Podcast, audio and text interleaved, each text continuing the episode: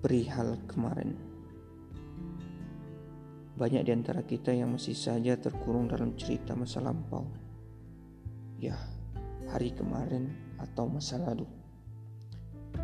Kita masih saja mengenang-enangnya, kemudian bersedih atas kegagalan-kegagalan di hari kemarin.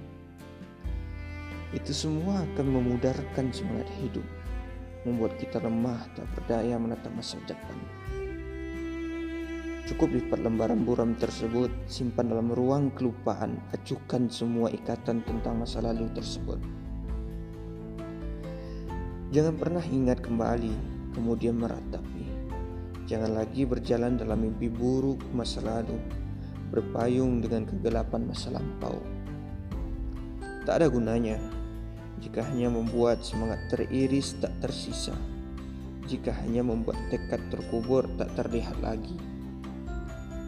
Selamatkan diri kita dari masa lalu. Kalau terus-terusan menghadirkannya, akan menimbulkan keprihatinan dalam jiwa dan raga.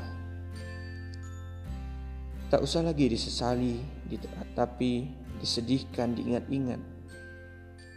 Bagaimana bisa air sungai kembali ke hulunya? Seekor semut kembali menjadi telur, sekuntum mawar kembali menjadi putik, matahari kembali ke sudut terbitnya.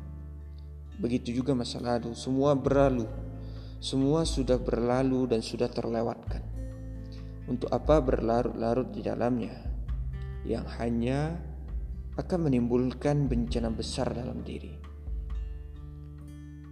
Sekarang, pikirkan apa yang ada pada saat sekarang ini. Maksimalkan semuanya hingga kerlingan kesedihan masa lalu tidak kembali terulang.